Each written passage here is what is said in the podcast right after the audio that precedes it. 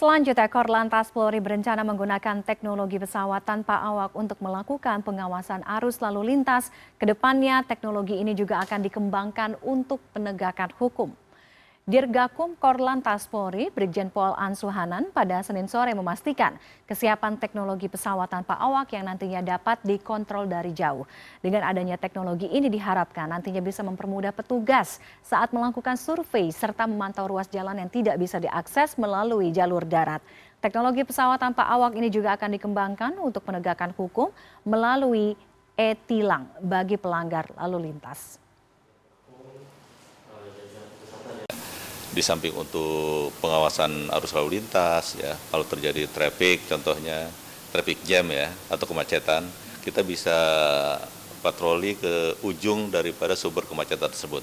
E, informasi tersebut kita bisa melakukan e, rekayasa lalu lintas atau tindakan apa yang harus kita lakukan nantinya. Ini dengan pesawat ini